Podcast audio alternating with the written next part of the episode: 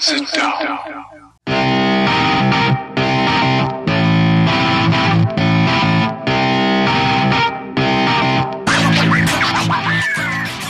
Witam wszystkich i każdego z osobna. Ja jestem Robert Kochan, a to jest Kochane NBA, najbardziej nieobiektywny podcast o najlepszej koszykarskiej lidze świata. To już 59. odcinek, a razem ze mną jak zwykle jest tutaj Wiaro. Siema Wiaro, co tam słychać u Ciebie w ten jesienny piąteczek? Mm, Siema Robert, cześć wszystkim. E, No wiesz co, no listopad, więc wiesz jak to u mnie w listopadzie, a poza tym miałem akurat taki tydzień, gdzie dużo i często musiałem być obiektywny i trochę się z tym nieswojo czuję, więc zmieńmy to już może, no. Tak, zdecydowanie czas opowiedzieć i pogadać o, o sprawach po naszemu, e, mając za nic cały obiektywizm e, tego świata.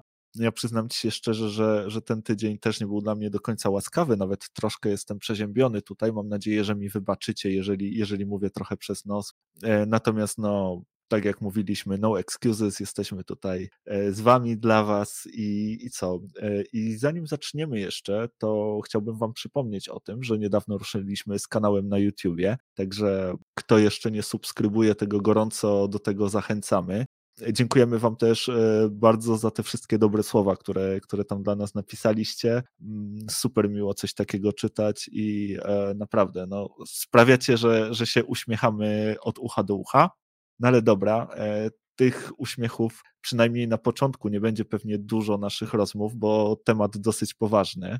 Jak poinformowali ostatnio Adrian Wojnarowski i Baxter Holmes z ESPN, NBA uruchomiła śledztwo w sprawie oskarżeń skierowanych pod adresem większościowego właściciela drużyny Phoenix Suns, e, Roberta Sarvera. Sarver został oskarżony przez no, ponad 70 byłych i obecnych pracowników franczyzy płci obojga o zachowania rasistowskie i seksistowskie, no oraz o takie tworzenie kultury pracy, która sprzyja tego rodzaju zachowaniom to wszystko e, wyniknęło gdzieś tam w zasadzie z takiego raportu przygotowanego przez ESPN, które przeprowadziło właśnie wywiady z tymi obecnymi i, i, i byłymi pracownikami. E, Właśnie w wywiadach dla, dla tej stacji pra, pracownicy powiedzieli, że e, no było to często toksyczne i wrogie miejsce pracy, pełne rasizmu i, se, i seksizmu, no a także takiej mentalności trochę mm, pana niewolników. No i właśnie, to nie są pierwsze tego rodzaju głosy, jakie, jakie dochodzą na temat e, Roberta Servera.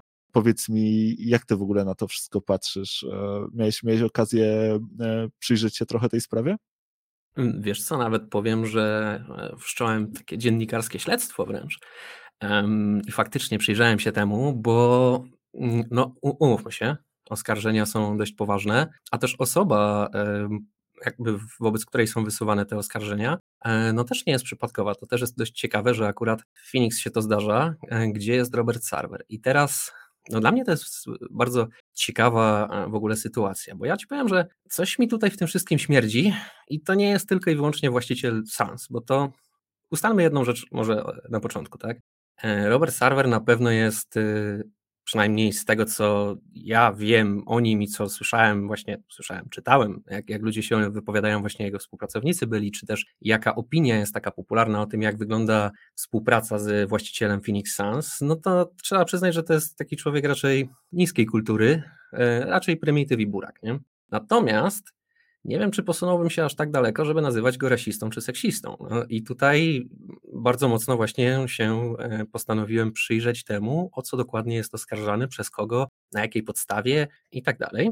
E, No i wyszło na to, że tak naprawdę oskarżeń jako takich wobec niemu nikt nie ma wysuniętych, przynajmniej prawnych. E, Jest natomiast, tak jak wspomniałeś tutaj, artykuł ESPN, a konkretnie właśnie pana, mm, przypomnisz mi nazwisko? Roberta Baxtera, tak?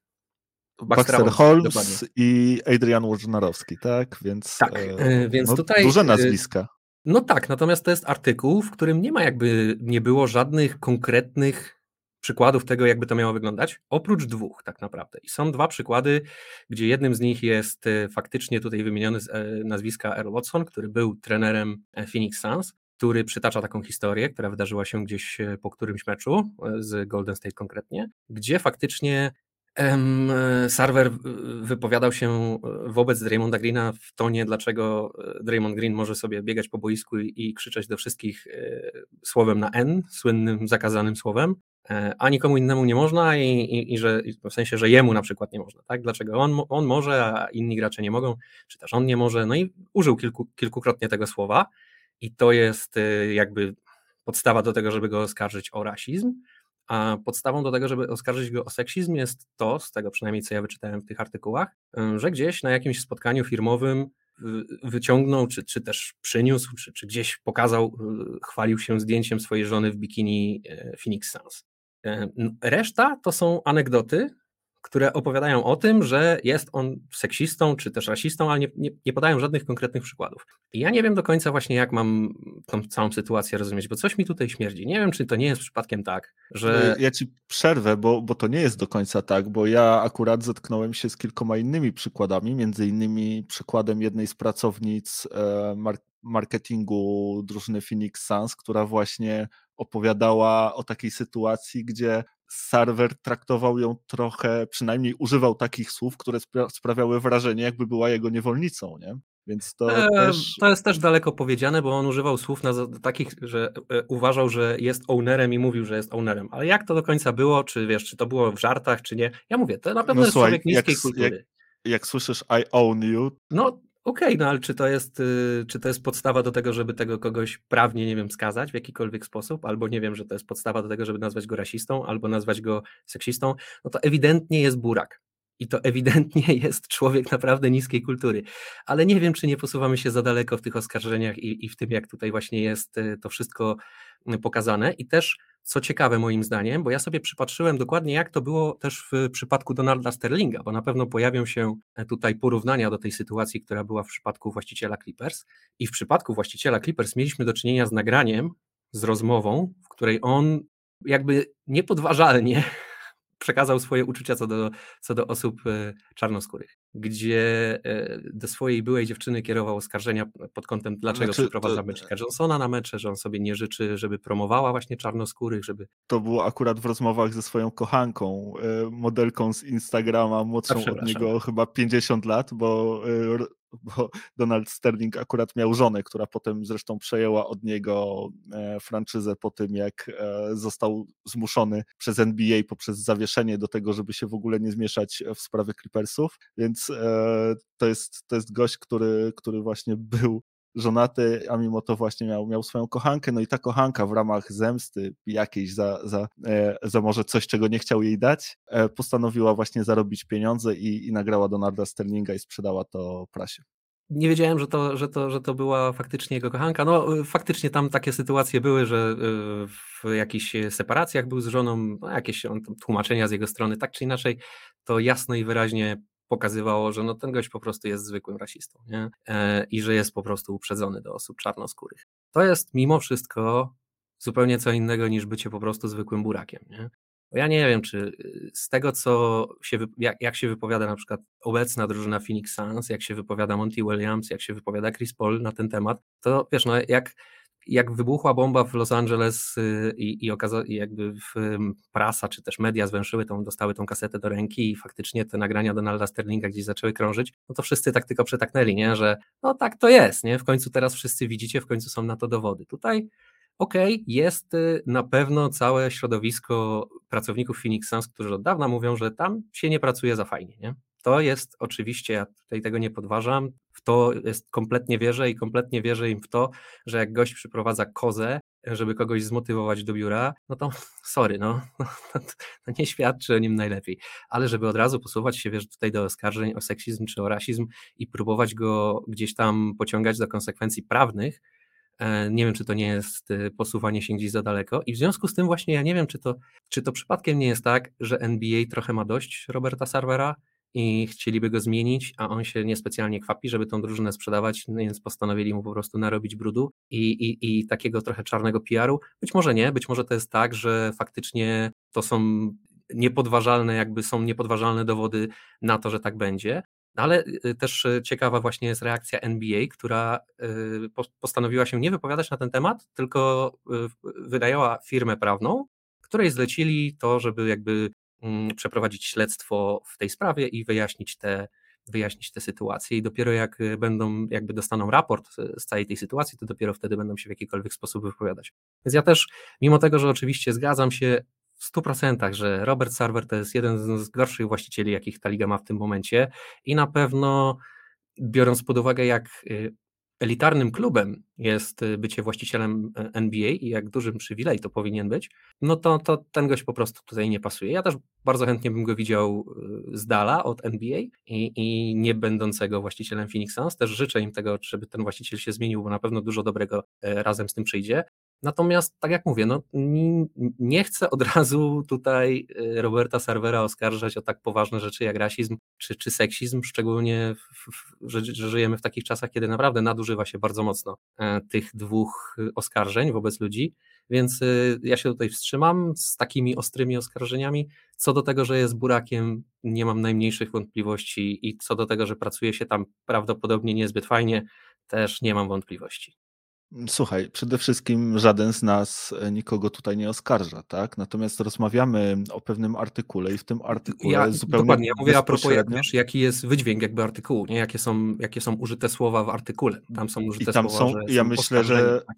ja, ja myślę, że te słowa nie są jakby przez przypadek użyte, nie? I myślę, że y, my będziemy jeszcze widzieć rozwój tej historii, bo ja ja mi się wydaje, że, że serwer może być trochę podobnym typem do, do Sterlinga. Może to wszystko nie jest aż takie oczywiste, ale to też jest gość, który wydaje mi się ma trochę właśnie podobną mentalność, który myśli, że jeśli jest właścicielem, to jest właścicielem, wiesz, każdego i, i ma prawo robić, tak, co mu się żywnie podoba. To, to nie I, jest rasizm, to nie jest seksizm. Nie?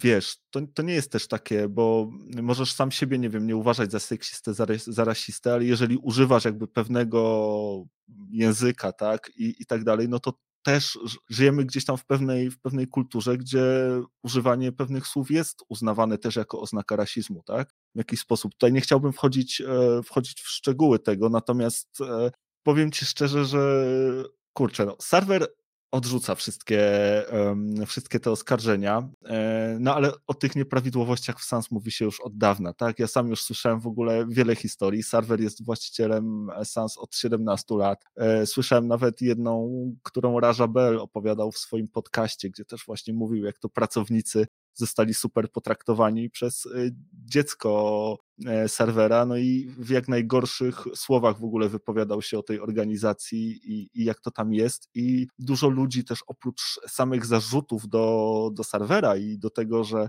no jak mówię, w tym artykule padły e, jasne słowa, tak, że chodzi tutaj e, między innymi też o rasizm i seksizm, ale także o budowanie pewnej takiej kultury pracy, tak, która, no, która jest opresyjna, a przynajmniej e, tak odczuwają ją e, niektórzy pracownicy. To też okay, nie jest tak, że to są pojedyncze, pojedyncze głosy, ale 70 ponad osób gdzieś tam w rozmowie z ESPN potwierdziło, że coś jest nie tak. No, powiem ci, że to... Wejdę ci tylko w słowo, że budowanie toksycznej kultury pracy nie jest karalne pod żadnym pozorem. Nie musisz tam pracować, możesz z tamtej firmy odejść i możesz jasno i wyraźnie powiedzieć wszystkim, jak ta firma wygląda od środka i dlaczego nie warto tam pracować. To Ale... nie jest karalne, nie? A rasizm Dobrze, i to teraz są. Pytanie, czy są, bo tutaj my w ogóle nie mówimy tutaj o jakimś śledztwie federalnym, nie mówimy o tym, że wpłynęło jakieś e, oskarżenie do sądu czy coś takiego. Mówimy o pewnym raporcie, który powstał na, e, na podstawie wywiadów e, z byłymi i z obecnymi pracownikami, w których tych wywiadach zostały jakby podkreślone pewne sprawy i sformułowane pewne, nie wiem, żale, zażalenia, oskarżenia, ale nie w sensie prawnym. I po zapoznaniu się z tym NBA postanowiła wszcząć swoje własne śledztwo, tak, które ma wyjaśnić e, tę sytuację, tak jak wspomniałeś, z pomocą niezależnej eksperckiej firmy i które albo potwierdzi e, te, te informacje, które właśnie pojawiły się w tych artykułach, albo im zaprzeczy i wtedy NBA będzie mogła, nie wiem, coś z tym dalej zrobić. Natomiast nie mówimy tutaj jakby o zarzutach czy oskarżeniach w sensie prawnym, żeby, żeby była jasność.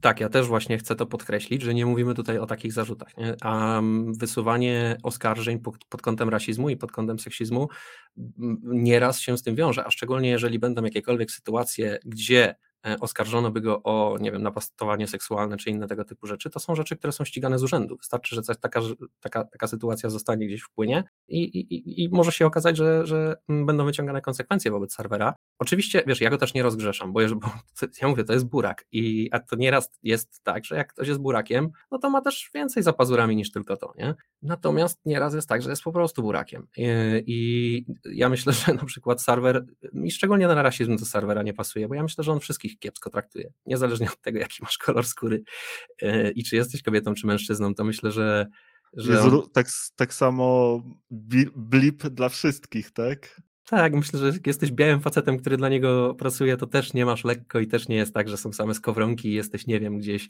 pchany do przodu i faworyzowany tylko dlatego, że jesteś białym facetem, nie?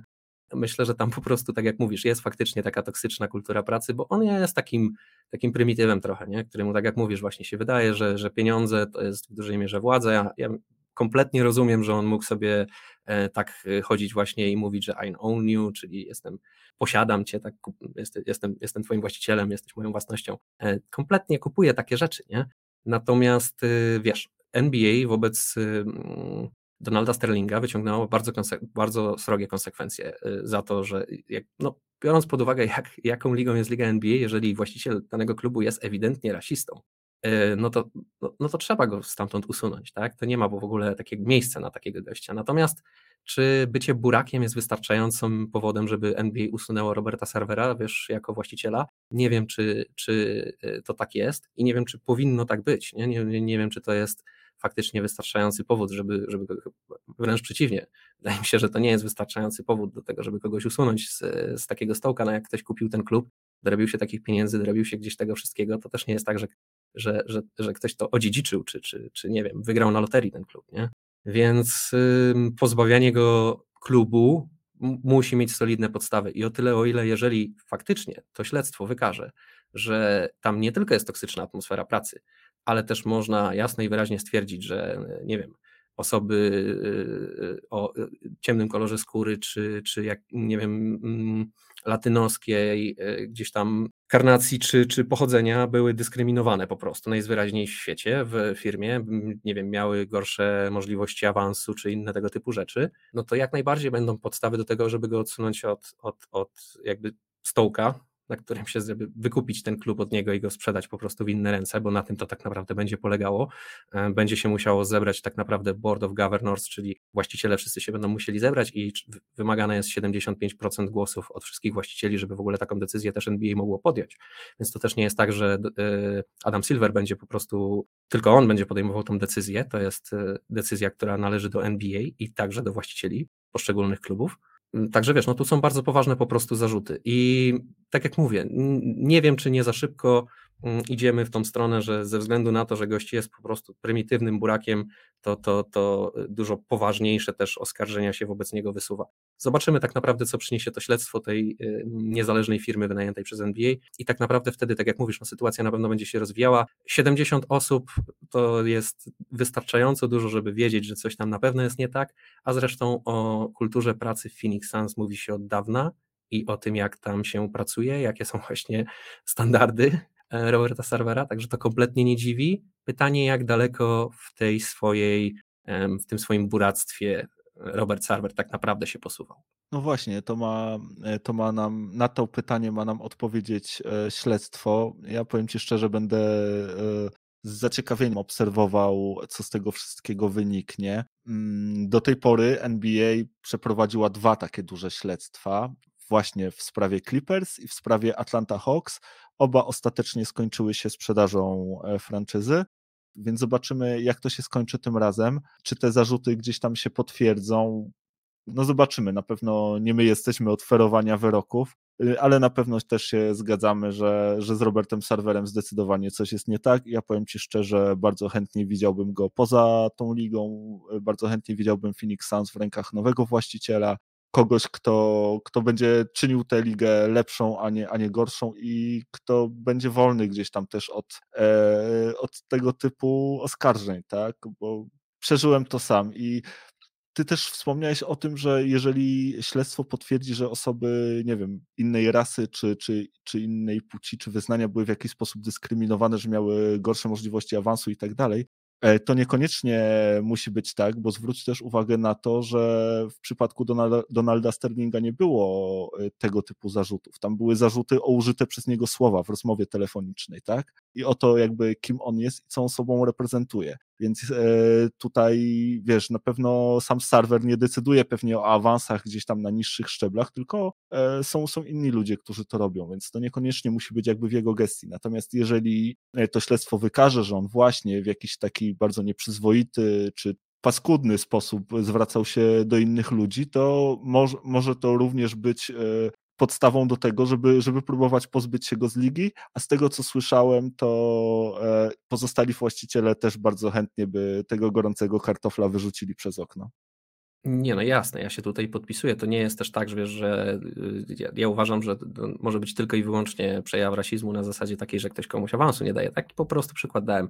Um, oczywiście tego jest mnóstwo i to się przejawia w najróżniejszych, no ale chodzi o, o to, kto, żeby, żeby to dobrze zidentyfikować. Tak jak w przypadku Donalda Sterlinga to było, ta yy, nagrana E, przez jego kochankę kaseta naprawdę nie pozostawiała złudzeń, wątpliwości. Wystarczyło, no, tam przykładów można było mnożyć i mnożyć z tego, co on po prostu z całej tej jego wypowiedzi. Wystarczyło naprawdę kilka głównych rzeczy sobie przytoczyć i już jasno na papierze, jakby czarno na białym można powiedzieć, e, widać było, jakie nastawienie do osób czarnoskórych ma Donald Sterling. Nie?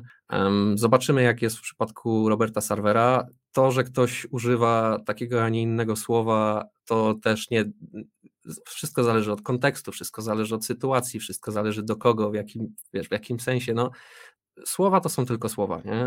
Ja wiem, że y, w Stanach Zjednoczonych panuje trochę inna kultura, szczególnie właśnie jeżeli chodzi o zakazane słowo na N, natomiast wciąż, no to trzeba jasno i wyraźnie udowodnić, że Robert Sarver ma takie nastawienie do, do osób y, innej karnacji niż on i wtedy można takie, takie, takie kroki wobec niego podejmować, bo o tyle, o ile ja też go nie lubię i też naprawdę bardzo bym życzył Phoenix Suns, żeby znaleźli się w innym miejscu, no to nie jestem fanem rozwiązań siłowych i nie jestem fanem tego, żeby kogoś usuwać ze stołka tylko dlatego, że się go po prostu nie lubi, nie? bo jest burakiem i prymitywem. E, no jeżeli już z jakiegoś powodu się tam znalazł i jest to zgodne wszystko z prawem i zasadami, no to, to usuwać go w taki brzydki sposób byłoby nieładnie.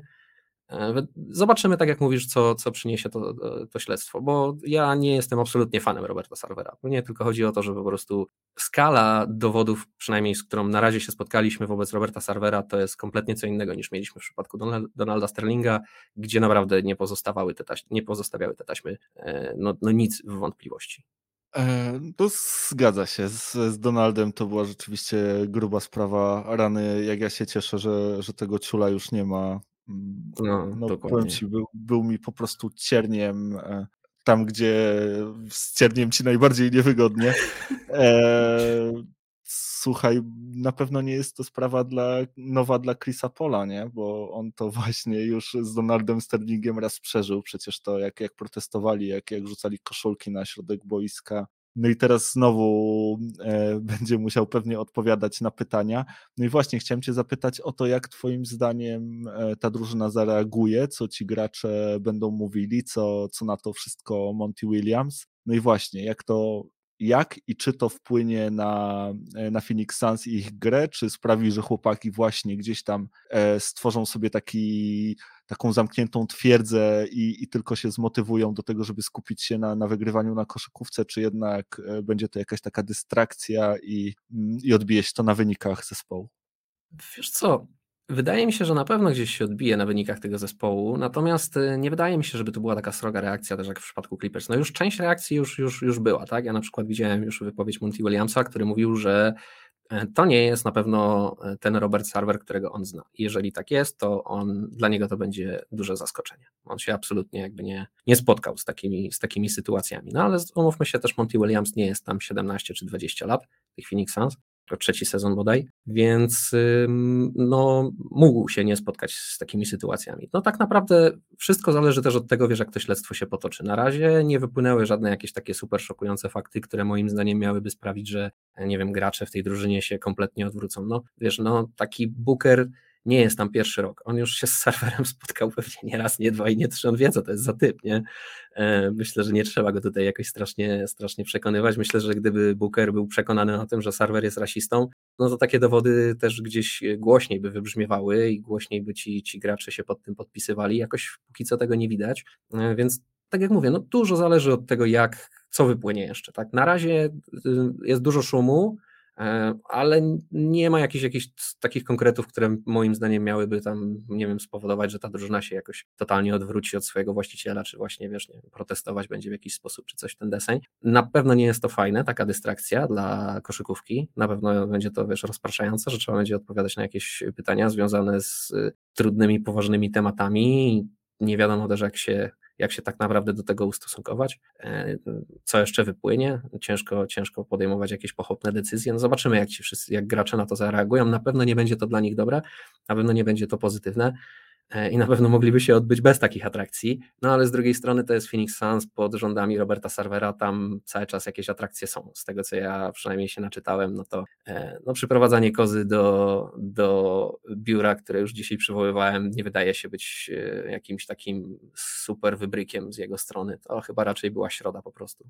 Ale jeśli już przeprowadzasz kozę, to po niej posprzątaj, a nie zostawiaj tę kozę w biurze, potem koza na paskudzi w całym biurze i ktoś inny musi po tobie sprzątać, bo, bo tak właśnie było, nie? No dokładnie tak było, to właśnie świadczy o klasie e, Roberta Sarvera, nie? No jak mówię, ja mam, mam trochę dość e, tego gościa, ale właśnie, poczekajmy, co powie nam śledztwo i, i jakie będą jego wyniki. I przejdźmy z tym samym do drugiego tematu dzisiaj, bo słuchaj, w tym sezonie bardzo zwróciło moją uwagę to, że mnóstwo wyników meczów jest poniżej 100 punktów. Nie wiem, mam wrażenie, jakbym się przeniósł trochę do lat 90., wyniki 90 parę do 80 paru, a nawet czasami zdarzają się poniżej 80 punktów. No, zdarzają się naprawdę coraz częściej, a mecze gdzie już obydwie drużyny zdobyły ponad 100 punktów. No, w porównaniu do poprzednich lat, naprawdę ich liczba zmalała. Zresztą, e, oglądając e, same mecze gołym okiem, można te, też dostrzec, że coś się zmieniło e, w porównaniu do poprzednich lat. No i chyba taką największą dostrzegalną zmianą jest ta zmiana przepisów, nie? zgodnie z którą te niekoszykarskie ruchy czy, czy zagrania zawodników ofensywnych nie przekładają się już na faule. No i to pewnie odbija się na wynikach, ale, ale czy tylko to? Bo właśnie, mam do ciebie takie pytanie, Wiaro, co się stało z ofensywą w NBA? Czy nagle przez tą zmianę przepisów, może przez inne rzeczy, defensywa doszła do, do głosu? Czy mamy tutaj balans? Czy to jest coś, co ci się podoba? Gdzie się podziała ofensywa?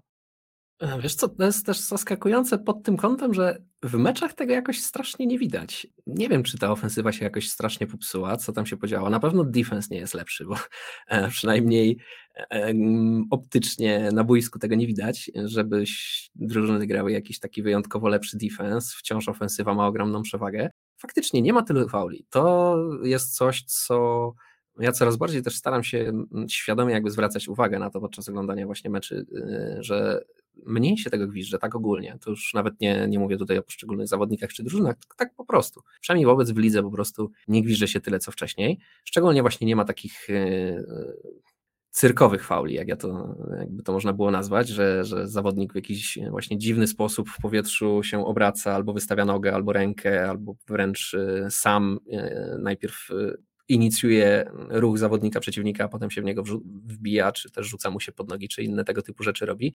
To już w tym momencie nie jest gwizdane, te wszystkie dziwne właśnie ruchy e, przy faulach. No i też przy trójkach jest dużo mniej takich, e, no może, może nie wymuszonych, ale takich no fauli na granicy faulu, które, które, które tak naprawdę no nie były moim zdaniem też dobre dla ligi. Także ja się cieszę z tych zmian, mnie się to lepiej ogląda, wydaje mi się przynajmniej tak na pierwszy rzut oka, że ta gra jest płynniejsza wciąż są czasem takie sytuacje, że sędziowie moim zdaniem przeginają, za dużo mamy gwizdania, za dużo mamy chodzenia od, od kosza do kosza, rzucania osobistych, ale nie ma już tego tyle, co było w zeszłych sezonach, ale, ale nie wiem, czy to jest tylko i wyłącznie ta zmiana. Wydaje mi się, że to jest tak jak z większością rzeczy kumulacja dużo wielu różnych czynników.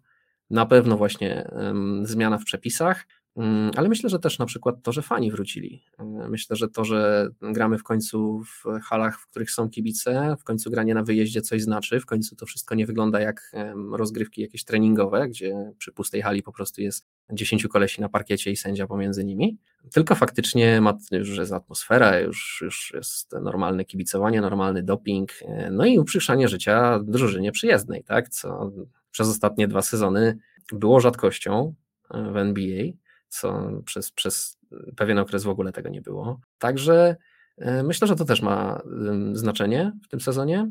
Nie wiem, nie wiem co jeszcze. No, tak jak mówię, no, optycznie jak patrzę na, patrzę na mecze, to nie wydaje mi się, żeby defensywa jakoś tutaj super nadrobiła w porównaniu z ofensywą. Myślę, że też początek sezonu póki co jeszcze mamy, jednak jeszcze drużyny się rozgrywają, jednak jeszcze się docierają. Jest sporo drużyn, które no widać, że jeszcze to jest nie wiem, trzeci, czwarty może bieg tej drużyny, jeszcze spokojnie można wrzucić co najmniej piątkę, a jak nie szóstkę. Także tutaj jeszcze sporo drużyn ma, ma sufit, do którego może dążyć. Mm, myślę, że to też poniekąd z tego wynika. Też no, bardzo dużo turnoverów mamy, więc y, automatycznie akcje, które kończą się stratami, mogą się tylko i wyłącznie skończyć punktami po drugiej stronie, ale też nie zawsze się kończą, także to też są jakieś tam straty punktów, których w ostatnich latach chyba aż w takich ilościach nie mieliśmy. I to by było chyba na tyle, jeżeli chodzi o te czynniki. Czy jeszcze czymś mnie zaskoczysz, czy może czegoś nie widzę?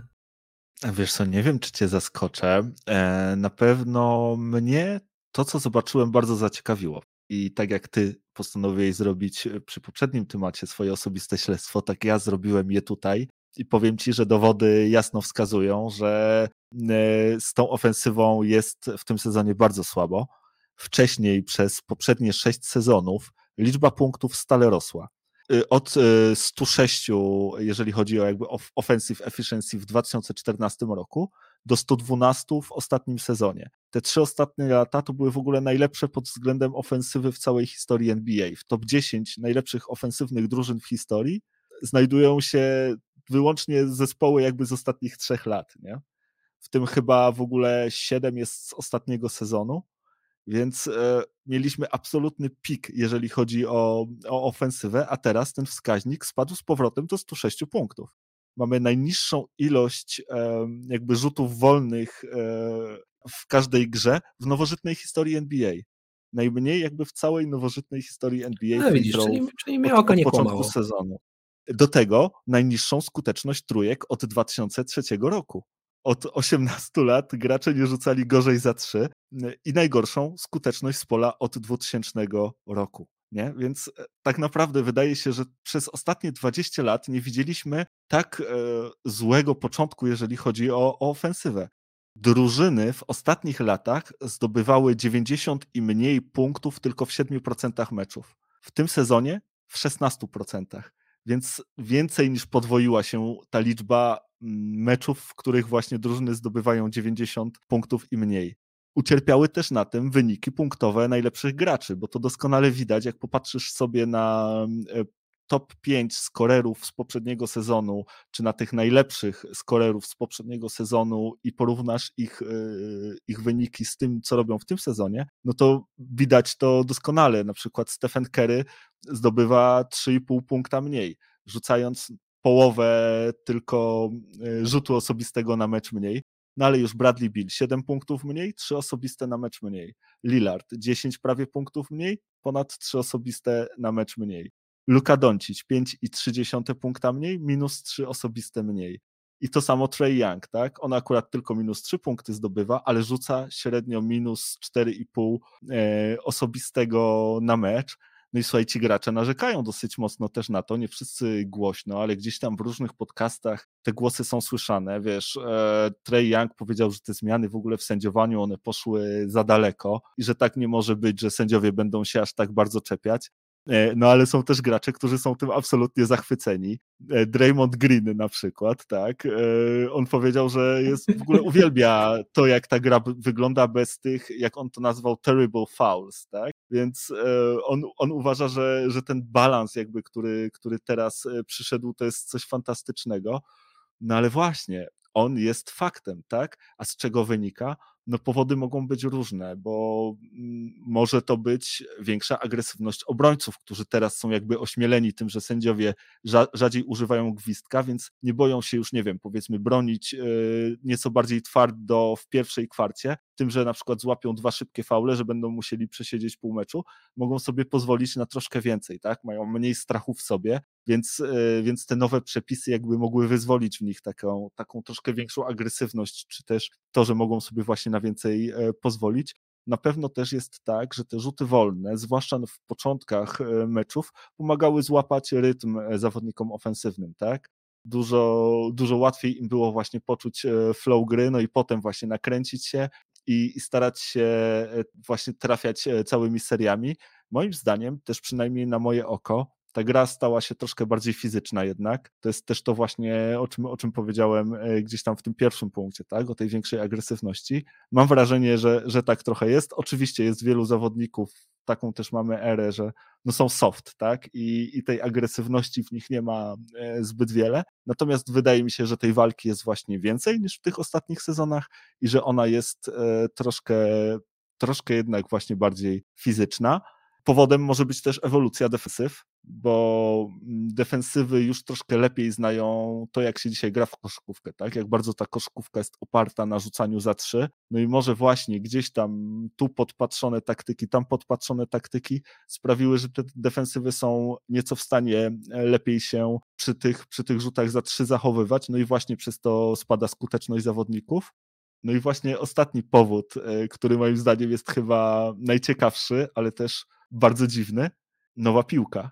Może właśnie po tej zmianie e, Spaldinga na Wilsona po, po wielu, wielu latach, gracze mają troszkę problem z tym, żeby się przystosować i żeby te rutyny swoje rzutowe aż tak dobrze i powtarzalnie wykonywać. No nie wiem, takie powody widzę, ale na pewno to, że popsuła się ofensywa w NBA e, jest faktem. Powiem ci, że rozbawiłeś mnie e, z tą piłką. Nie no, słuchaj, być może tak jest. E, ja nie kupuję wszystkiego, co powiedziałeś. W sensie nie kupuję specjalnie tego, że defensywy są lepsze. Nie specjalnie kupuję te, to, że, że, że, piłka e, przeszkadza. Wydaje mi się, że no raz, wstrzymajmy się też z jakimiś górnolotnymi ocenami, bo mamy, tak jakby nie było dopiero 8 czy 9 meczy za sobą, tak? Więc y, może na spokojnie, nie? bo to jeszcze, jeszcze kawał sezonu przed nami. Zobaczymy, jak te wszystkie statystyki będą wyglądały pod koniec. Natomiast na pewno podpisuję się pod tym, co powiedziałeś o rzutach wolnych i o tym, jak ta zmiana w zasadach wpłynęła faktycznie na grę. I nie, nie wierzę, że to mówię, ale zgadzam się z Draymondem Greenem. E, I, I faktycznie podpisuję się pod tym, co on powiedział, bo mnie też się te zasady bardzo podobają. Bardzo fajnie mi się ogląda w tym momencie e, NBA. E, I to jestem wręcz zaskoczony, jak, jak przyjemnie się ogląda nawet takie, takie, można powiedzieć, no, kiepskie drużyny, jak choćby Houston Rockets, które mnie bardzo pozytywnie zaskakuje w każdym ich meczu, który, który oglądam. Mm, I stąd też właśnie wydaje mi się, że te defensywy niespecjalnie nadgoniły, Natomiast jak najbardziej widzę to, że ofensywy ucierpiały. Myślę, że ogólnie te statystyki nie będą aż tak słabe, jak są teraz.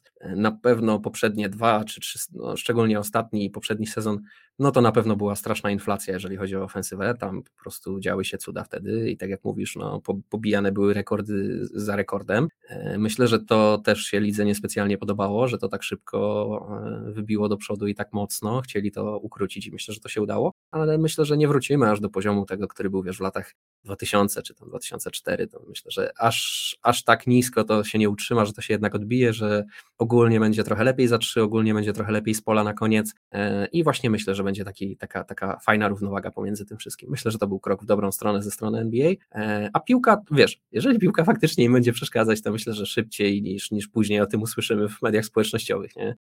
Nie jest tą piłką, to oczywiście tak pół żartem, pół serio, nie? Myślę, że, że takim zawodowcom nie, nie robi to większej różnicy. Ja podobnie jak ty i podobnie jak Draymond Green uwielbiam jakby tą NBA. Uwielbiam e, to, jak teraz gra wygląda, to, że jest dużo mniej tego właśnie udawania, dużo mniej floppingu, że to jest e, ta koszy... Facundo ta koszy... jeżeli chodzi o flopping, tylko powiem. No słuchaj, zawsze się znajdzie Mistrz. jakiś specjalista, tak? Fakunza akurat wyobraźnię ma wielką, więc e, no nie dziwię się, że, e, że pewnie próbuje jej używać e, w różnoraki sposób. Natomiast. mistrz flopa, mistrz flopa jest. Natomiast ja bardzo się cieszę, że ta gra właśnie no jest trochę szybsza, że te mecze są trochę krótsze, e, że to wszystko jest takie bardziej skondensowane, nie, nie trzeba patrzeć na te setki rzutów wolnych wykonywanych przez jednego zawodnika czy, czy dwóch przez, przez cały mecz. Bardzo mi się to wszystko podoba. Natomiast podobnie jak ty uważam, że to się troszkę skończy, że sędziowie przestaną być aż tak czepialscy, że zawodnicy trochę się przystosują, że wszystko troszkę wróci do normy, ale że nie będzie to aż, aż, aż tak właśnie jak, jak w tych ostatnich sezonach, że jednak ta zmiana będzie też widoczna ostatecznie, natomiast nie będzie aż tak widoczna, nie będzie się e, aż tak rzucała w oczy. I prawdę mówiąc, to tak mi się wydawało, że to może już teraz się będzie działo, że, że gdzieś tam na naszych oczach, właśnie już w tym momencie sezonu, ci zawodnicy zaczną się dostosowywać. Natomiast no, ciągle jest tak, jak na przykład we wczorajszym meczu, gdzie Boston Celtics wygrali z Miami Heat 95 do 78, tak? I to nie jest jakaś aberracja, tylko takie rzeczy widzimy w zasadzie noc w noc, dzień w dzień w NBA więc no naprawdę coś jest mocno na rzeczy. Nie, no tutaj się zgadzam. Mm, to nie będzie jakiś taki srogi trend jak w tym momencie, ale no, samo to do jakiego, jakby jak daleko upadła ta ofensywa NBA przez pierwsze 8 meczy, które rozegraliśmy, no to też pokazuje, że ewidentnie tutaj jest jakiś trend i, i nie będzie to tak wyglądało różowo już jak, jak w zeszłym sezonie czy, czy, czy dwa sezony temu. I ja też jestem bardzo, bardzo zadowolony z tych zmian. E, umówmy się, dobrą ofensywę się fajnie ogląda, ale ogląda się tą dobrą ofensywę fajnie, jak ona przełamuje dobrą defensywę, a nie w momencie, kiedy jest ofens na ofens i nikt nikogo nie próbuje bronić, bo to się robi wtedy takie, no takie, takie, takie trochę friendly, a jak wiadomo mecze friendly są no robi się z tego trochę taki wrestling, tak? Gdzie, gdzie nie masz tej, tej sportowej rywalizacji. Okej, okay, moja kolej rzucania, twoja kolej rzucania i no mało to jest takie koszykarskie jak dla mnie. E, ale słuchaj, zostawmy już ten temat. E, przejdźmy do no, dwóch drużyn, o których właśnie przed chwilą wspomnieliśmy. A zacznijmy od Boston Celtics. 11 e, miejsce na wschodzie. Cztery wygrane, pięć przegranych mimo że wcale ten kalendarz na początku nie był jakiś, e, jakiś szczególnie trudny. Te przegrane, które Boston Celtics złapało, to jest przeciwko Knicks, przeciwko Toronto, dwa razy z Waszyngtonem i raz z Chicago, a udało im się wygrać z Houston, z Charlotte, z Orlando, no i właśnie wczoraj z Miami.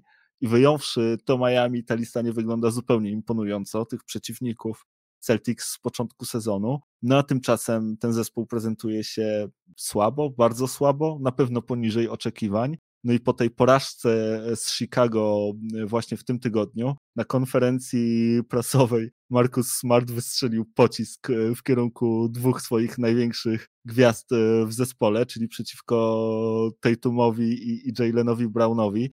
No i powiedział, że każda drużyna wie, jak, jak Celtics będą grać, tak, że będą grać na, na tej Tuma i, i na Brauna. No i przygotowuje się na nich w ten sposób, by właśnie zmusić tych graczy do podawania piłki. No ale ta dwójka nie chce piłki podawać. No i to jest coś, czego, czego będą musieli się nauczyć. Po tym wywiadzie Celtics nie wypuścili już Tatuma i, i Jalena Browna na, na z kolei ich część wywiadów, żeby nie musieli e, odpowiadać na te, na te strzały no to, wystrzelone przez, e, przez Smarta. Mm, e, następnie, słuchaj, odbyło się w ogóle spotkanie oczyszczające atmosferę, gdzie, gdzie gracze się właśnie spotkali ze sobą i, i, i starali się sobie wszystko wyjaśnić to spotkanie no chyba przyniosło skutek, bo od niego e, Celtics wygrali dwa mecze właśnie z Orlando i, i z Miami. E, no ale właśnie, co, co, co myślisz o tym, e, co się dzieje tam w Celtics? Czy to jest jakiś taki poważny smród, czy, czy oni się szybko z tym uporają i, i wrócą tam, gdzie ich miejsce i, i będą się jednak starali walczyć o te no, wyższe lokaty w konferencji wschodniej?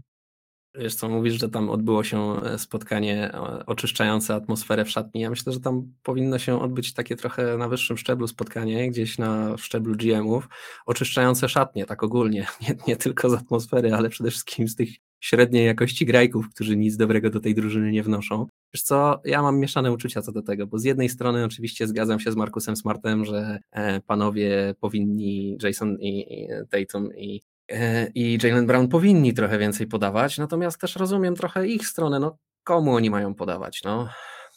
czego my się też spodziewaliśmy po tej drużynie? No ona będzie trochę wyżej w konferencji, no bo 11 miejsce, wiesz, no na razie mamy, na razie mamy całkiem sporo drużyn, które mają takie same wyniki, no bo mieliśmy tych meczy 8, część drużyn zagrała 7, więc y, no nie ma się co dziwić na razie, że są na 11 miejscu. Oni na 11 miejscu nie zostaną, prawdopodobnie będą trochę wyżej, ale wiele wyżej nie będą i tam się chyba nikt nie spodziewa, że oni będą na jakimś, nie wiem, trzecim miejscu w konferencji. Z czym? Z Jalenem Brownem i z Jasonem Tatumem? To ma wystarczyć na podbicie konferencji wschodniej, plus Marcus Smart i jego nie wiem, 25% za 3 przecież to tam to, tą drużynę trzeba zbudować dopiero. Oni mają fajny młody talent i, i faktycznie gdzieś tam pokazywali, że potrafią fajnie ze sobą grać. Byli kopciuszkiem NBA przez jeden sezon, ale to ile było takich drużyn, które, które jako młode drużyny gdzieś tam miały jeden swój sezon? No na tym trzeba budować, na tym trzeba, tą drużynę cały czas trzeba budować. No, nie, nie liczyć tylko i wyłącznie na to, że się będzie wybierało graczy w drafcie i, i, i, i, i razem ze, ze Smartem ta ekipa gdzieś, nie wiem, NSA Cantera do tego wszystkiego się wrzuci i to to gdzieś zajdzie daleko. No, no, nie zajdzie. No. W tym momencie na wschodzie nie ma łatwo. E, jest sporo drużyn, które prezentują przynajmniej średni poziom, mm, a są drużyny, które powinny być elitarne, a przynajmniej mają taki skład, że, że można liczyć na to, że tam naprawdę będzie srogo. A takie drużyny, które w tym momencie dobrze grają, choćby Miami, o którym pewnie zaraz pogadamy, e, no to też nie będzie drużyna, z którą z Jalenem Brownem i Jasonem Tatumem będziesz mógł sobie tak przeskakiwać. Wprawdzie akurat Miami udało się ostatnio ograć, ale w, w, meczu do czterech zwycięstw nie wiem, czy postawiłbym na Boston jakąś złamaną złotówkę. Nie, nie węszę tam jakiegoś wielkiego, nie jest to dla mnie jakieś wielkie zaskoczenie, że, że Boston jest średni. No ja się spodziewałem, że to będzie średnia drużyna w tym sezonie. No, z czego ona ma być jakaś fenomenalna? fenomenalna może nie ma być z czego, ale moim zdaniem Celtics mają naprawdę solidny skład, a, a Tatum i Brown to są naprawdę gwiazdy dużego kalibru, więc nie do końca się z tobą zgodzę. Nie do końca się też zgodzę z Markusem Smartem, bo o ile zgadzam się jakby z jego ogólną koncepcją koszykówki, że koszykówka powinna być grą zespołową i że łatwiej się gra i trudniej się jest dostosować przeciwnikowi do ciebie, jeżeli właśnie grasz taką piłkę ala Golden State Warriors, gdzie, gdzie ona krąży, tak, gdzie różni zawodnicy są zaangażowani w ofensywę, no ale też wiesz, tak, krawiec kraje jak mu materii staje, a w Celtics tego talentu ofensywnego na miarę tej Tuma i Brauna aż tak dużo nie ma, to są zdecydowanie e, dwaj ich najlepsi zawodnicy, no a do tego te głosy Markusa Smarta trochę mnie dziwią z uwagi na to, że tam nic się takiego szczególnego ostatnio nie zmieniło, tak? Bo wcale ani Brown, ani Tatum e, nie rzucają szczególnie więcej niż w zeszłym sezonie. E, Jalen Brown rzuca dokładnie tyle samo, bo, bo 19 prób na mecz. Jason Tatum ma tylko dwa rzuty więcej niż w zeszłym sezonie. Rzuca średnio 22 rzuty e, na mecz. E, zdobywając przy okazji e, cztery punkty mniej. E, więc tutaj się jakby niespecjalnie wiele zmieniło. Jeżeli chodzi też o, o ich podania, no to oni wcale nie mają dużo mniej asyst na koncie niż taki Marcus Smart, bo Jalen Brown robi 2,5 asysty na mecz, Tatum 3,4, a, a Marcus Smart e, niecałe 4 asysty, tak? 3,8. E, więc tutaj Marcus Smart wcale jakoś pod względem podawania czy, czy asyst nie wypada od nich lepiej, a wypada gorzej, jeżeli chodzi o skuteczności, tak? Bo no sorry, gdybym był fanem Celtics, to za każdym razem, kiedy piłka trafiałaby w ręce Markusa Smarta, to drżałbym, bo ten gość nie boi się absolutnie rzucać, a rzuca 30% z pola i 28 za 3 no to to są fatalne statystyki rzutowe i szczerze to on akurat bardziej powinien skupić się na tym, żeby być e, w tej drużynie takim, wiesz, weteranem, który, który daje jej ostrą iskrę i najlepszym jej zawodnikiem obronnym, a tymczasem e, no, przeciwko Celtics jednak te drużyny zdobywają punkty i, i Smart aż tak dużo w defensywie nie pomaga przeciwko, no właśnie nawet tym kiepskim przeciwnikom, z którymi Celtics się mierzyli, więc niespecjalnie czuję tutaj, nie wiem, wydaje mi się, że, że Markus Smart miał trochę taki, że tak zarymuje brain fart, E, w tym momencie, że coś, coś go tam zabolało, bo może nie dostał piłki w tym momencie, kiedy chciał i tak na gorąco wypalił. E, no ale nie szczególnie widzę, żeby się akurat e, teraz w tym momencie jakoś szczególnie miał na to żalić, nie? Nie, no wiesz co, ja myślę, że znaczy ja ci mogę powiedzieć, z czego to wynika. Moim zdaniem, moim zdaniem to wynika z tego, że po prostu Tatum i Brown cisną ISO w końcówkach każdego meczu tam nie ma ładnej koszykówki żadnej, nie? tam nie ma jakiejkolwiek takiej koszykówki finezyjnej, że gdzieś piłka krąży i trafia do tej tuma, czy coś ten deseń. Tatum dostaje piłkę, robi ISO, e, albo Brown dostaje piłkę i robi ISO. To są, albo wjeżdża jeden na kosz e, i podaje do drugiego. E, Kobe Więc, style. Tak, więc a do Kobiego, jak wiesz, koledzy z drużyny mieli pretensje przez większość kariery. Dopiero w, ostat, w ostatnim meczu mu mówili nie podawaj, nie podawaj, nie? Więc rozumiem Smarta, jakby z boiskowego punktu widzenia. Też nie uważam, że y, ma rację pod takim kątem, że on jest rozwiązaniem, stojący gdzieś w rogu y, do trójki, wystawiony nawet jak Markus, nawet jak Brown albo Tatum wjeżdża pod kosz, to Markus Smart nie jest najlepszą opcją, żeby mu podać, nawet jak czysty stoi na trójce. Także no, podawać też jeszcze trzeba mieć komu, ale jedna rzecz mnie tutaj dziwi. Wiesz co, ja myślę, że y, możesz padać trochę ofiarą tego takiego syndromu, który nieraz w NBA jest, że y, się, się pyta, czy Kyrie Irving jest top 10 zawodnikiem, mówisz jasne, jest top 10 zawodnikiem, a potem jak liczysz tych top 10 zawodników, to się okazuje, że jest ich 20. I to jest przypadłość, w której każdy z nas gdzieś tam kiedyś e, w historii NBA na pewno padł i myślę, że to może się akurat ciebie tyczyć w tym momencie, bo jakbym ci tak przeliczył te drużyny ze wschodu, to myślisz, że Boston jest lepszą drużyną od wielu z nich, tak pod kątem tego, jaki mają skład? Jak weźmiesz pod uwagę takie zespoły właśnie jak Atlanta, jak nie wiem, Charlotte, przecież no, no też mają dwie gwiazdy, tak? Może się są ciut większe te w Boston, ale czy to są naprawdę tak wiele lepsze drużyny? Na pewno Boston jest lepszą drużyną niż 21 e, offense i 18 defense ligi. Tak przynajmniej wydaje mi się, że przynajmniej powinni myśleć tak o myślisz? czymś więcej. Tak myślę, no. E, napra ja naprawdę. No ale to gdzie to jest? No to, to jest pewnie 18 offense ligi i 16 defense. No to oni są gdzieś w okolicy 7-8 miejsca na wschodzie przecież. No, mi się wydaje, że ta drużyna naprawdę jest e, solidna, że są tam zawodnicy z talentem. Tak jak Toronto, ten... tak jak Miami, tak jak Atlanta, tak jak Charlotte, tak jak Brooklyn, tak jak Milwaukee. Wiesz, o to mi chodzi, że jest bardzo dużo drużyn, które mają dwóch dobrych zawodników i fajnych grajków dookoła. Zgadza się. No, na pewno nie uważam, żeby to był ten tier Milwaukee, Brooklyn i nawet nie Miami. Uważam, że, że Miami jest ten tier wyżej, mimo że przegrali wczoraj z Boston. Boston są gdzieś tam e, za nimi, natomiast no, uważam, że, że ten skład jest naprawdę solidny. Jest tam, e, jest tam trochę tych dobrych grajków, grajków też z doświadczeniem, tak? Mimo, że są młodzi, to, to takich, którzy gdzieś tam już powąchali playoffów, zobaczyli e, co i jak, natomiast coś tam jest nie tak. Jest tam na pewno jakiś problem i to jest tam i to jest to problem, który ciągnie się za nimi już chyba od lat, tak mi się wydaje, bo no popatrz, ciężko tam zbudować tę drużynę, nie? Dany Ainge aż się poddał i, i zostawił to Bradowi Stevensowi. Brad Stevens poddał się, jeżeli chodzi o coachowanie tych zawodników i właśnie zdecydował się na pracę we front office. Wolni agenci omijają Boston, a ci, którzy grali tam za duże pieniądze, odchodzą do innych klubów, nie? Czy to Gordon Hayward, czy to Kyrie Irving, i naprawdę Boston stara się gdzieś tam to, to łatać, natomiast no coś tam wydaje się, się, że jest nie tak. No i pytanie, czy, czy uda im się z tego otrząsnąć? Może właśnie to spotkanie takie tylko i wyłącznie zawodników nagle odmieni wszystko w magiczny sposób, czy będziemy dalej obserwować może erozję tego zespołu. No i właśnie, i co wtedy z duetem Tatum Brown? Czy tutaj będziemy mieć jakiś ruch i czy któryś z nich zmieni, e, zmieni franczyzę? No na pewno bardzo, bardzo to jest ciekawe. Ja bym stawiał na to, że Boston się jeszcze otrząśnie, że oni będą jednak e, w tej grupie zespołów, które zagwarantują sobie udział w playoffach bez play-in, że będą w tym top 6 na wschodzie. Wydaje mi się, że mają zdecydowanie na to umiejętności, ma to, mają na to potencjał. No a jak to będzie wyglądać, e, to zobaczymy. No na razie ten łatwy kalendarz z początku sezonu nie okazał się e, być dla nich przewagą. Zmarnotrawili wiele meczów, w których powinni byli zwyciężyć te wyniki często nie były mm, aż takie odległe, bo oni gdzieś tam często byli blisko, zdarzało im się w dogrywkach przegrywać, tak?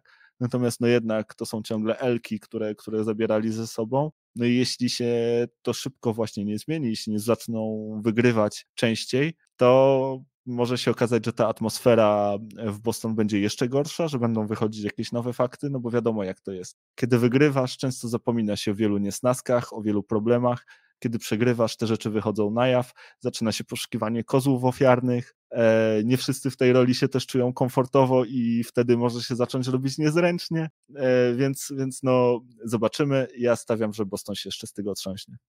No ja ci powiem tak, wbrew pozorom nie wszystko w ich rękach, bo bardzo dużo zależy od tego, jak będzie reszta stawki grała. Jeżeli pewne trendy się utrzymają z początku sezonu, no to może być bardzo ciężko coś zwojować. Ja myślę, że to jest i tak drużyna skazana w pewien sposób na porażkę.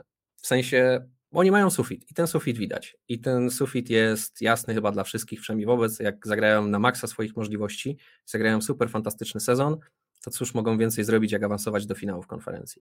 To nie jest cokolwiek więcej niż finały konferencji w ich wykonaniu. To jest y, absolutnie moim zdaniem poza zasięgiem.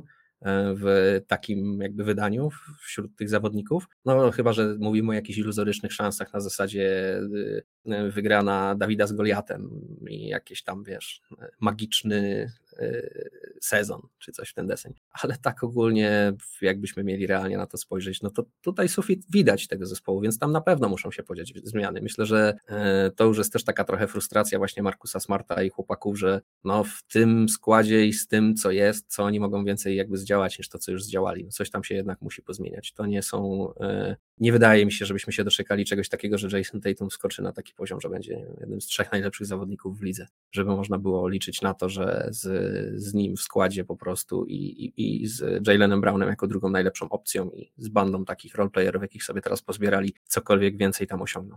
Także wszystko zależy oczywiście od oczekiwań. Myślę, że fani Celtics to też nie są, wiesz, to są, nie są ludzie zazwyczaj w ciemię bici, oni chyba zdają sobie sprawę z tego, że ta drużyna ma sufit i, i ciężko jej będzie w ogóle przejść przez drugą rundę playoffów w tym roku na pewno, mm, a być może nawet przez pierwszą rundę, jak się utrzyma takie granie w Nowym Jorku, czy w Chicago, czy w Waszyngtonie, no to, czy w Miami, to może być bardzo różnie i, i, i, bardzo ciężko na wschodzie, może być bardzo wyrównany sezon tutaj w tej konferencji. E, także nie wszystko wbrew pozorom w rękach e, Celtics. I tak jak mówisz, że mm, nie udało się tutaj e, Danowi Ainge'owi, nie udało się Bradowi Stevensowi, no konkurencja nie jest byle jaka, jakby nie było żyjemy w takich czasach, że zawsze są jakieś behemoty, a to jest jakiś Golden State y, ze swoją cudowną ekipą, a to jest y, LeBron w Miami, a to jest y, LeBron w Cleveland, a to jest LeBron w Lakers, Janis, no wiesz, no jest przeciwko komu grać. Nie jest łatwo na pewno wygrać mistrza w tym momencie w NBA,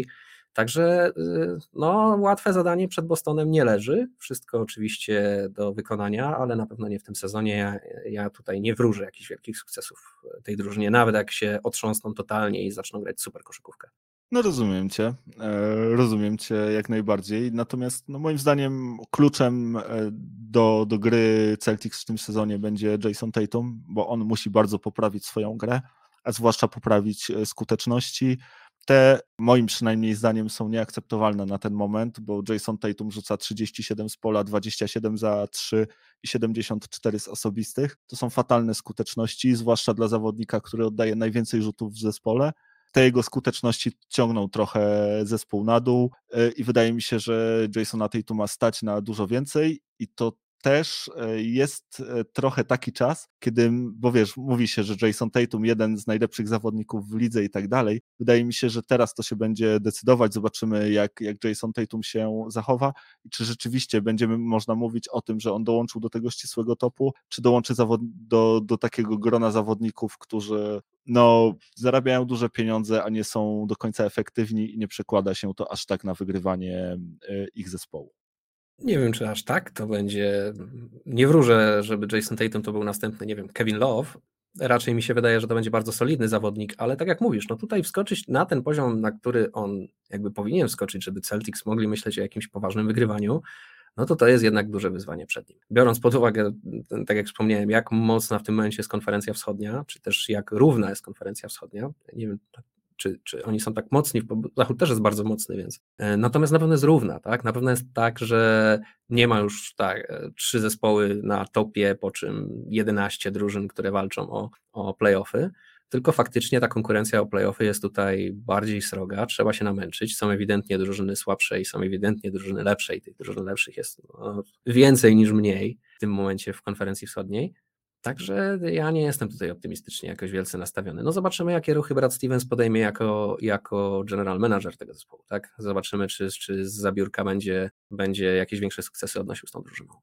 Zobaczymy. E, dobra, słuchaj, szybko na koniec, bo już czasu mamy niedużo, pogadajmy może jeszcze o Miami Heat, bo oni z kolei idą 6-2, drugie miejsce na wschodzie, dominują tę ligę pod względem defensywnym, dominują właśnie swoich przeciwników są drugą defensywą ligi, pozwalają sobie na 96,2 punkta e, na mecz. Pierwsze jest Golden State Warriors, ale są też czwartą ofensywą. No i co ciekawe, y, są na 29 miejscu pod względem tempa, więc Miami Heat od samego początku gra playoff basketball i oni będą po prostu do tych playoffów przygotowani e, jak nikt. E, stosują ciekawe zagrywki, bo, bo między innymi dosyć sporo ostatnio sprawdzają taki small ball lineup, gdzie PJ Tucker wciela się w rolę centra, zwłaszcza pod nieobecność Bama Adebayo. No i naprawdę no, grają jak z nut. E, Jimmy Butler career high, jeżeli chodzi o ilość zdobywanych punktów na mecz, bo 24 i 4 teraz zdobywa. No ale w sukurs idzie mu młodziutki Tyler Hero, który no właśnie, ten początek sezonu e, wygląda jakby był najlepszy właśnie w całej jego karierze i to zarówno pod względem ilości zdobywanych punktów, czyli, czyli ponad 20, ale też jeżeli chodzi o 6 asyst i o 6 zbiórek i 4 asysty. Do tego karier high, jeżeli chodzi o skuteczność z pola, 46%. E, Hero walczy o przedłużenie kontraktu, bo, bo ten wygasa po przyszłym sezonie, a Hero chciałby na pewno e, dostać to przedłużenie i to na takich fantastycznych warunkach, mniej więcej jak Trey i Luka, bo on zresztą się gdzieś tam wypowiedział, że, że na tym poziomie się, e, się widzi. Do tego Kyle Lowry, który gra tak jak Kyle Lowry, tak? Gra takie sobie statystyki, takie sobie skuteczności, ale jak zawsze przekłada się to na wygrywanie.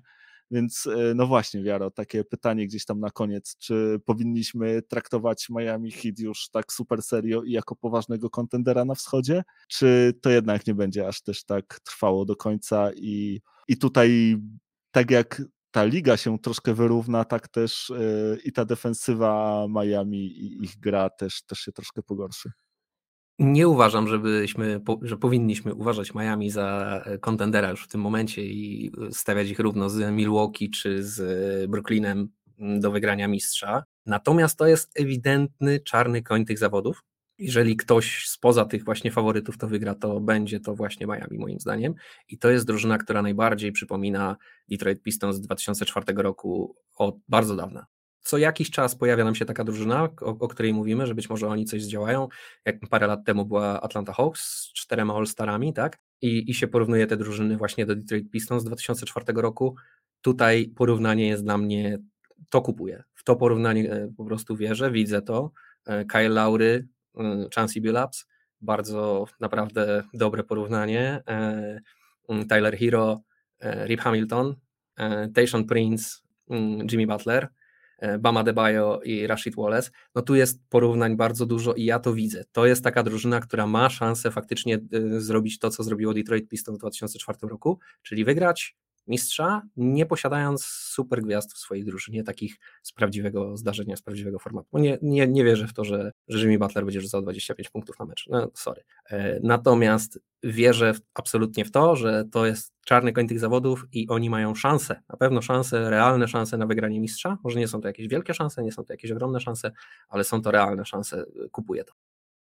Ja się z Tobą zgadzam i wiem na pewno, że żadna drużyna ze wschodu nie chciałaby trafić na Miami Heat w serii playoffowej. E, no chyba, że Milwaukee Bucks, tak jak w tamtym sezonie, na pewniaka przejdą i bach, bach, bach 4-0, ale 4 nie wydaje mi się, ale nie wydaje mi się, wydaje mi się, że każdy, kto się z nimi spotka w playoffach, no po prostu, nawet jeżeli wygra, to zejdzie z tego starcia tak posiniaczony. Przecież tam jest tylu walczaków, tylu gości, którzy walkę, no mają po prostu pod skórą, tak? I, i są gotowi Jeszcze rywalizować na każdym że przecież PJ, PJ Tucker i Ben Wallace, nie? Tam naprawdę, no, mówię ci, Detroit 2004. No to jest bardzo ciekawe porównanie. Zobaczymy, co, co z tego będzie. E, na pewno dużą szansą dla Miami jest to, że ciągle nie widzimy na parkiecie Kyriego Irvinga i że to się, ta sytuacja się przedłuża, e, bo jednak e, ta trójka z Brooklynu, no wydaje mi się, że ten ich potencjał ofensywny nie ma takiej obrony, która by to była w stanie zatrzymać, ale jeżeli tego Irvinga nie ma, to kto wie, może przy gorszej grze Milwaukee Bucks, przy słabszej Filadelfii, e, bo pewnie Ben Simmons do niej wróci, więc będzie słabsza rzutowo, może się okazać, że Miami rzeczywiście tutaj wyskoczy z tego wschodu. No i właśnie, i, i zobaczymy, na, na, kogo ewentualnie by mo mogli trafić na zachodzie. I kto wie, może tak jak Detroit, rzeczywiście uda im się to zwycięstwo wyrwać. No, playoffach wygrywa się defensywą. Ta, ta druga defensywa nie jest przypadkiem. Jak patrzę na grę Miami, to, to mam wrażenie, że naprawdę no, oni tam srogo chcą wszystkich e, lać dookoła i, i te drużyny wy, wychodzą już widać na nich trochę spękane. Mm, poprawię cię tylko, w playoffach wygrywa się defensywą i dobrą ofensywą. Jak masz faktycznie drużynę, która jest top 5 w ofensywie, top 5 w defensie, to są bardzo groźne drużyny w playoffach. E, no, ja się tutaj podpisuję pod tym wszystkim, co powiedziałeś e, i ja generalnie też jakby wsiadam do tego bandwagonu, tak? Podoba mi się to, jak Miami gra, podoba mi się to, że przywołuje właśnie ciepłe wspomnienie, jeżeli chodzi o Detroit Pistons z 2004 roku, E, no i chętnie bym zobaczył tą drużynę w playoffach, która pnie się do finałów, gra w finałach i wygrywa to wszystko. No, przepiękna historia by była, znowu byśmy mieli jedną z takich e, bajeczek NBA, tak jak Janisowe Mistrzostwo. Także słuchaj, ja kibicuję temu jak najbardziej. Nie? No chyba, że oczywiście spotkałem się z Denver, no to wtedy, wtedy wiadomo, e, gdzie będą, gdzie będą moje uczucia. No nie wiadomo, jak to z tym Denver będzie, zwłaszcza jak Michael Porter Jr. będzie tak fantastycznie grał. grać od kiedy podpisał ten swój 200-milionowy kontrakt, e, to zaczął grać absolutnie fatalnie. 10 punktów chyba na mecz? Słabo, słabo to wygląda. Tego się bałem. No ale słuchaj, może, może o tych sprawach pogadamy w przyszłym tygodniu, zobaczymy. Na pewno dziękujemy Wam bardzo za to, że byliście z nami tutaj przez cały czas i, i dzięki Tobie, Wiaro, też e, za tę rozmowę. Oczywiście, jeżeli macie do nas e, jakieś pytania, chcielibyście nam o czymś opowiedzieć, czy chcielibyście pomarudzić, ponarzekać na nas, jak to nie wierzymy e, na przykład w Celtics albo za bardzo wierzymy w Miami, e, śmiało róbcie to. Możecie cisnąć wiarowi, mnie oszczędźcie, bądźcie dla mnie łaskawi. E, możecie to zrobić właśnie na, na kontakt albo bezpośrednio na Facebooku. Możecie też wbić na YouTube'a, zasubskrybować, jeśli jeszcze tego nie robicie, e, a jeżeli tak, to, to, to walcie śmiało też tam do nas komentarzami. E, chętnie wszystko, wszystko od Was przeczytamy. No i co? No i zapraszamy Was już na kolejny, 60. odcinek, który odbędzie się już za tydzień. Nie oszczędzajcie go, nie oszczędzajcie nikogo. Trzymajcie się cieplutko i do usłyszenia za tydzień. Cześć. Trzymajcie się, hej.